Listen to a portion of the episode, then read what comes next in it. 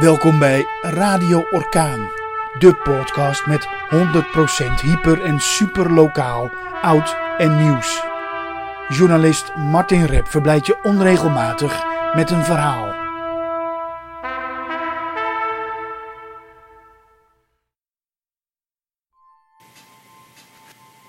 Een verzwegen familiedrama.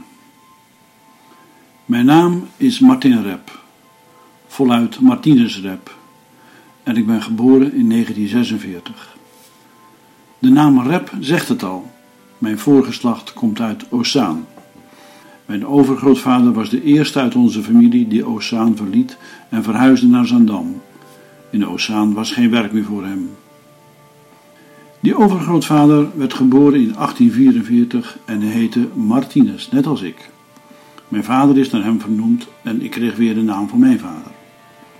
Maar voor mijn overopa kwam de naam Martinus, Martin of Tinus helemaal niet voor in de familie Rep. Hij werd vernoemd naar zijn grootvader aan moederskant, een tuinder uit Kralingen.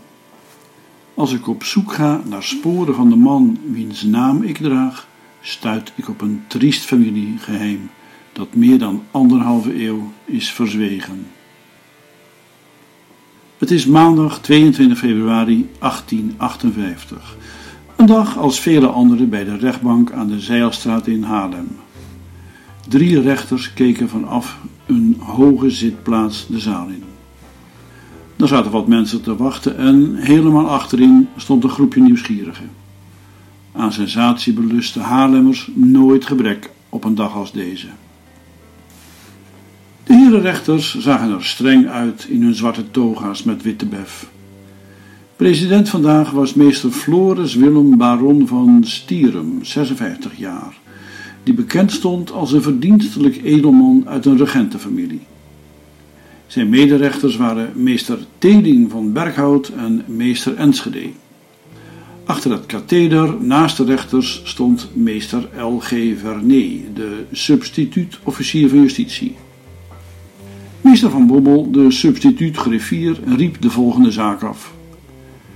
De parketwachter liep naar de gang, maar kwam al na enkele seconden terug in de zaal. De beklaagden zijn niet aanwezig, zei hij.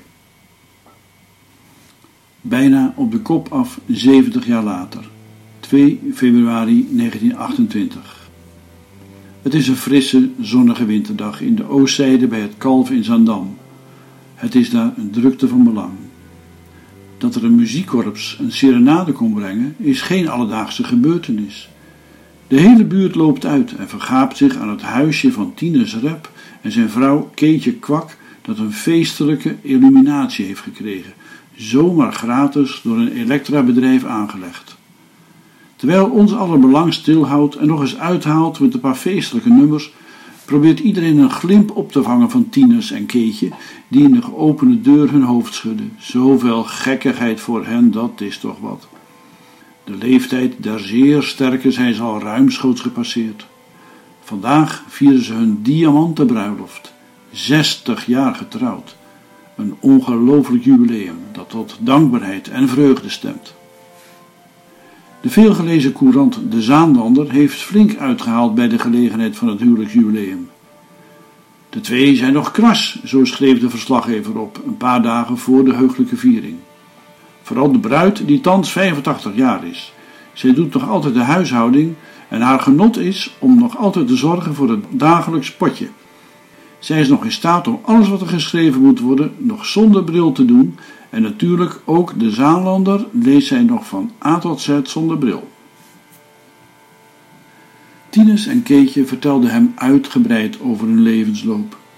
Al vertelde Tinus hem niet alles. Dankzij het krantenverhaal dat dit interview opleverde, weten we nu nog het een en ander over het harde en lange leven van opa Tinus, zoals mijn broer Jelte het omschrijft op zijn website over de familie Rep. Op zijn veertiende moest Tinus al helpen de kost verdienen voor het armelijke gezin van zijn vader, stijfselmaker Pieter Rep. Daarna was hij molenaar, machinist, korenmolenaar en stoker. Meer dan twintig jaar werkte hij als machinist bij de firma Zwaardemaker aan de oostzijde in Zandam, maar toen een van de firmanten overleed, vloog hij de laan uit. Nieuwe bezems vegen schoon. Tinus, 50 jaar op dat moment, stond op straat. Hij begon een groentewinkeltje in de Oostzijde. Terwijl Kay achter de toonbank stond, ventte Tinus zijn groenten uit in de omliggende straten. Hij werd een bekende verschijning met zijn hondenkar. Geen wonder dat de hele buurt uitliep toen hij en Keetje ruim drie decennia na zijn ontslag bij Zwanemaker hun diamanten bruiloft vierden. Al waren de krachten van de oudjes inmiddels zo afgenomen dat ze in het winkeltje alleen nog maar wat tabak verkochten. Kay vertelde de verslaggever dat het eigenlijk gekkenwerk was, want het werk woog nauwelijks op tegen de belasting. Maar ja, opgeven wilden ze het niet. Een mens heeft toch afleiding nodig. Wat zou ik mijn overgrootvader graag ontmoet hebben? Dat voorrecht was wel weggelegd voor mijn inmiddels overleden neef Kees Stoorvogel, die op de familiefoto staat, die werd genomen op het grote bruiloftsfeest aan de Oostzijde. Bijna vijf jaar oud was Kees destijds. Van het feest wist hij niet zoveel meer toen ik hem ernaar vroeg, maar nog wel van de woning van opa Tines en oma Keetje. Ik heb het huisje nog gezien hoor, tot in de oorlog heeft het er gestaan. Even onder het viaduct door en meteen links. Ik heb er nog wel heugenis aan dat ik er was. Een grote familie. Mijn overopa Martinez en ik dragen dezelfde naam. Aan hem komt de eer toe van de eerste rep met die voornaam. Daar zit een verhaal achter. Tines vader, Pieter Rep, werd in 1842 meegenomen naar Kralingen als hulpje van zijn vader, Simon Rep, die daar een baan had gekregen als meester stijfselmaker. Een jaar later, reden onbekend, keerde vader en zoon Rep terug naar Oostzaan, maar niet dan nadat Pieter, 21 inmiddels, de tuindersdochter Mietje de Lange met kind had geschopt.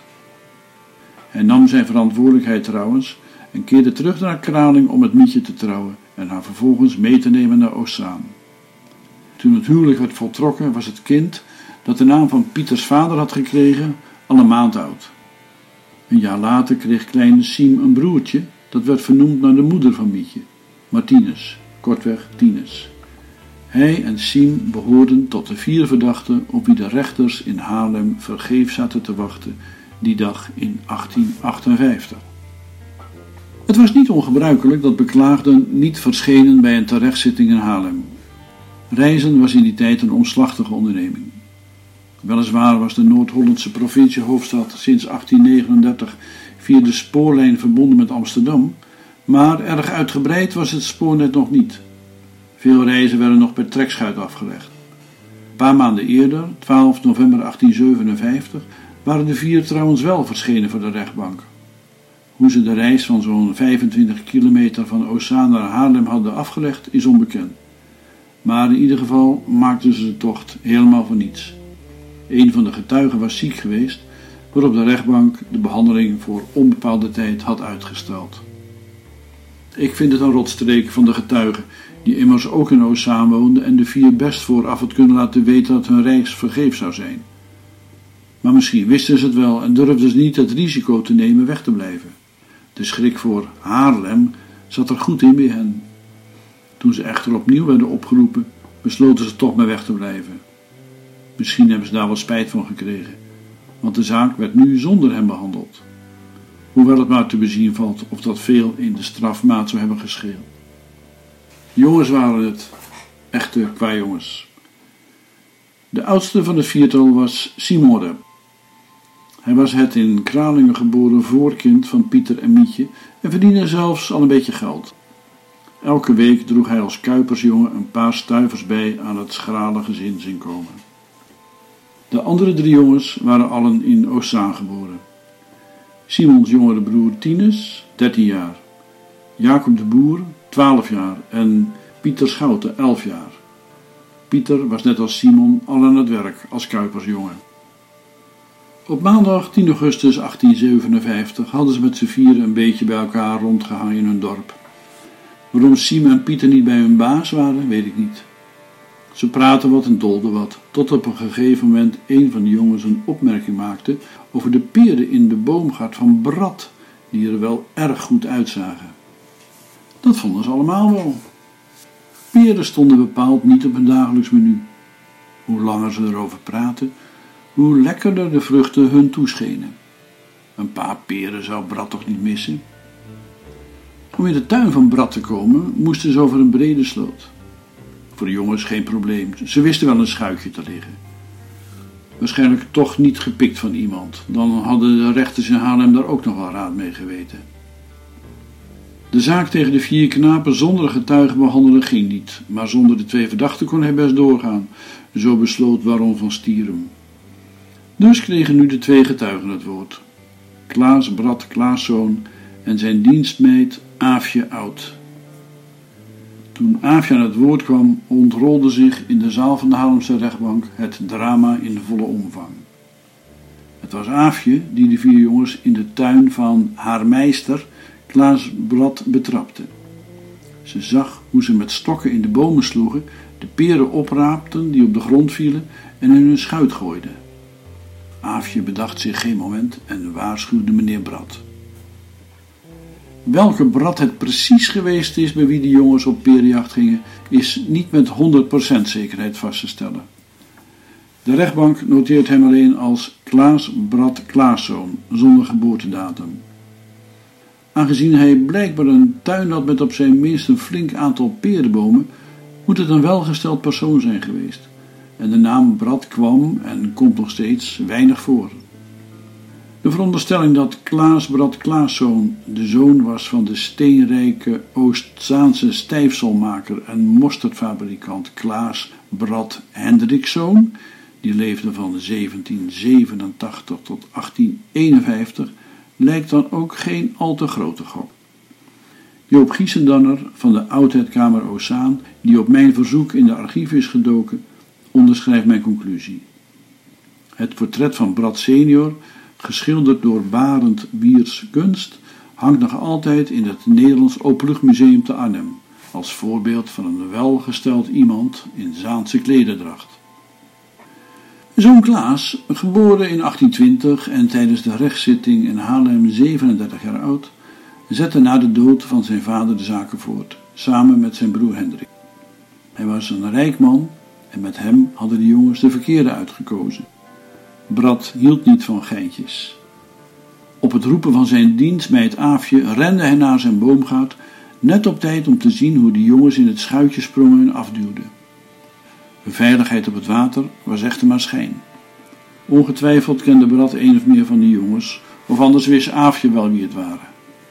Kom hier met dat bootje, vuile dieven, brulde Bad. Dat willen we wel doen, als we niet naar Haarlem hoeven, was het antwoord. Haarlem, dat stond voor de rechterlijke macht, voor het gevang. Wie van die jongens dat zei en of Klaas Brad daarop heeft gereageerd, heeft de rechtbank niet onderzocht. Hoe dan ook, de jongens hadden weinig keus. Ze gooiden een paar peren in het water, toen brachten ze de schuit weer aan wal. Heeft Brad zijn pak rammel gegeven en de kinderen gewaarschuwd voortaan met hun fikken van zijn peren af te blijven. Hun ouders laten ontbieden met de boodschap dat ze beter moesten letten op dat tuig dat opgroeide van galg en rat. Het verslag van de substituut griffier van Bommel zwijgt daarover.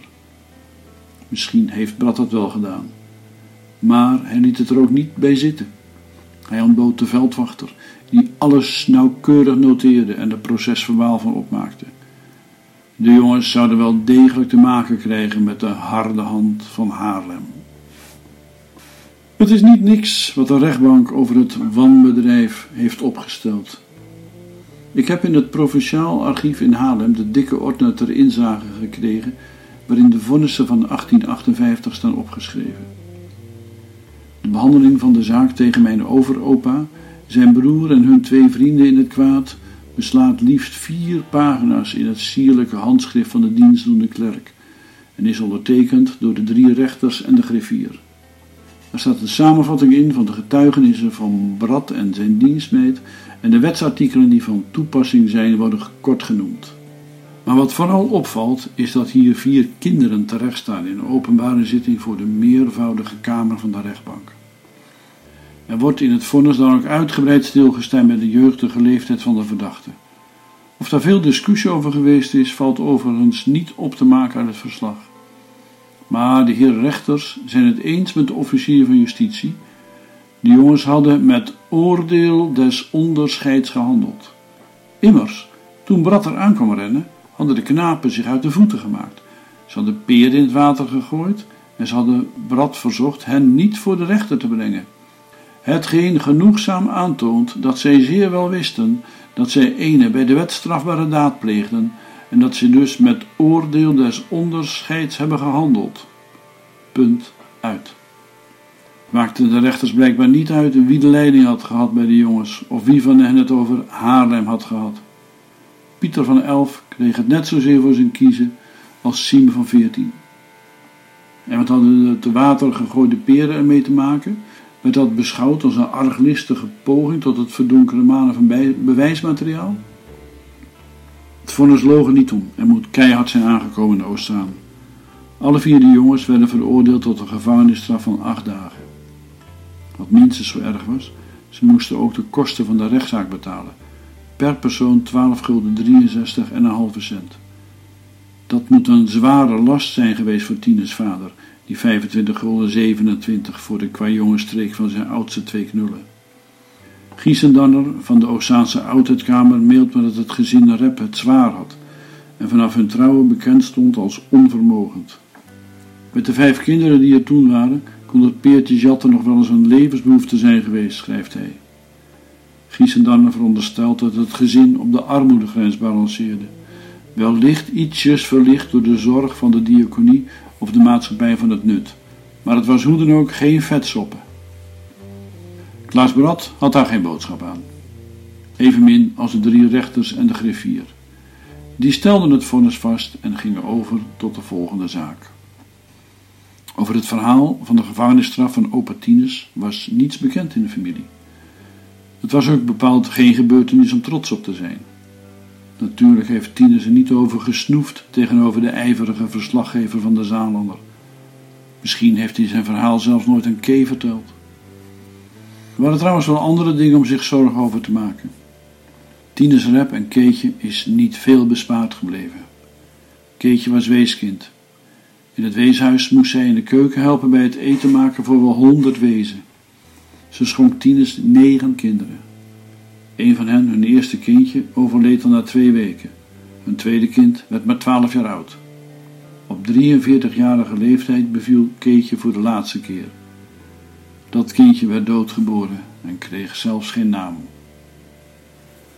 Zouden die vier jongens echt de gevangenis zijn ingegaan? Vraag ik aan archiefmedewerkster Gerda Houweling als ik het boek heb teruggedaan. Ik kan me niets voorstellen bij vier kinderen die acht dagen lang worden opgesloten in de afschuwelijke en deprimerende omgeving van een huis van bewaring. Maar Gerda geeft me weinig hoop. Veroordelingen toen, er was geen ontkomen aan, zegt ze. De informatie over hun hechten is echter is waarschijnlijk niet bewaard gebleven. In het vonnis staat geen huis van bewaring vermeld waar de straf moest worden ondergaan. Ze kunnen hebben gezeten in Haarlem, maar ook in Purmerend of in Alkmaar. Of het waren immers jongeren, ze zijn gestuurd naar het opvoedingsgesticht in Veenhuizen, helemaal in Drenthe, maar daar zaten ze niet mee in die tijd, zegt Gerda.